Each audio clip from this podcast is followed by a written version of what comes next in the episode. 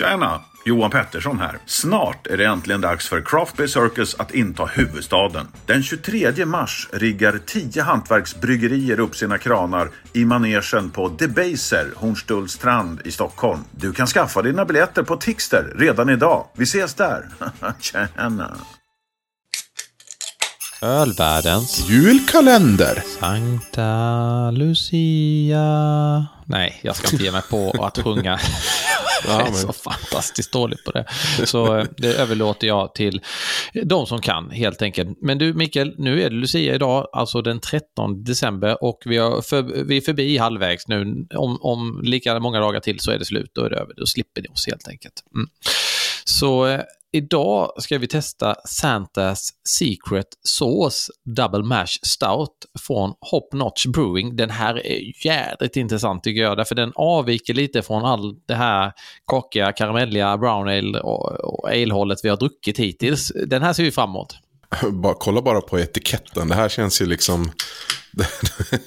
en, eh, det är ju snarare en djävul med tomtemössa som, som sitter där och ser ut att skaka glaset och är redo för att eh, mumsa i sig.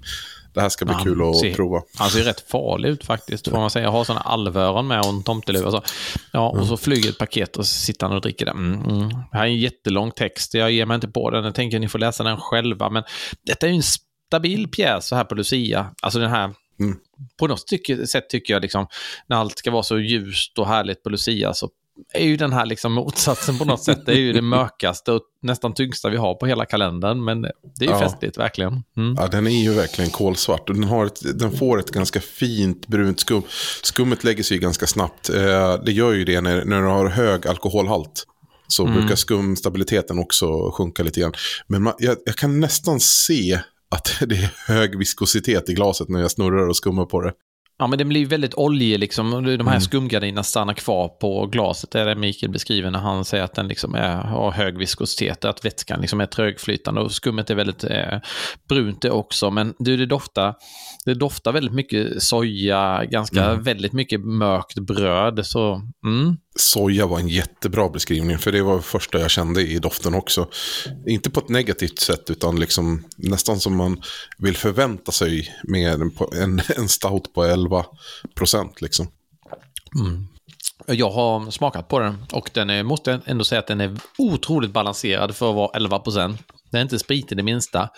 Den har väldigt snygga ja, rostade to- toner som är avrundade. De är liksom inte rostiga på det sättet att de är kantiga, utan de, de är runda. Eh, sojan kom, återkommer även här, men jag tycker också jag känner lite lakritstoner. Det här lite saltlakritstoner som dyker upp här och var. Vad känner du? Nej, men jag håller med. Eh, man känner ju alkoholen, eh, inte på det spritiga sättet, utan att den här söt, sötman som dyker upp. Mm.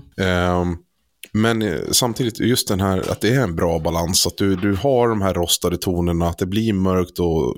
Ja, nej, men, eh, men, eh, nu när jag tittar på den lite mer så, så, så tycker jag ändå att den, den är inte så kolsvart som man sa i början. Den är ju faktiskt ganska brun ändå.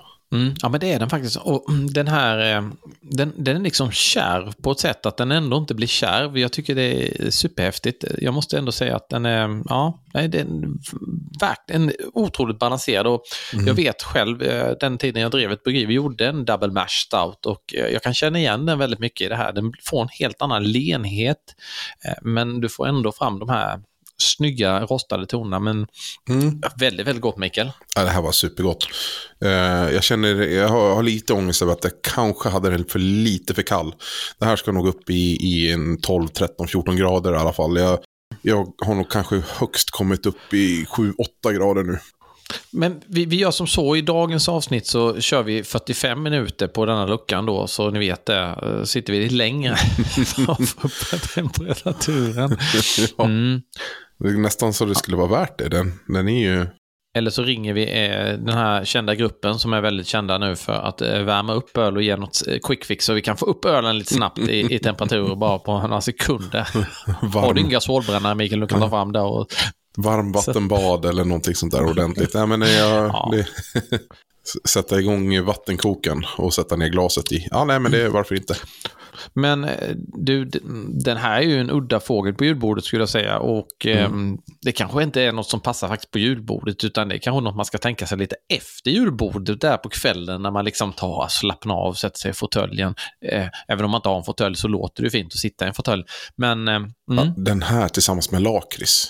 Jag tror att det kommer... Oh. Ja, jag vet inte hur många som har lakrits i, liksom, i sitt godisutbud på julafton, men de som har det borde ha den här ölen också. Jag bara känner hur gott det kommer vara tillsammans. Ja, jag kommer ha ett lakritsbord i år. Eh, har bestämt jag alldeles nyss för. Tack för tipsen Mikael. Du, eh, ja, men det här, eh, den här hemliga såsen från eh, tomten eh, får ju sitta här och smaka fortsätta. Mm. Ja. Du, skål och god jul! Skål och god jul.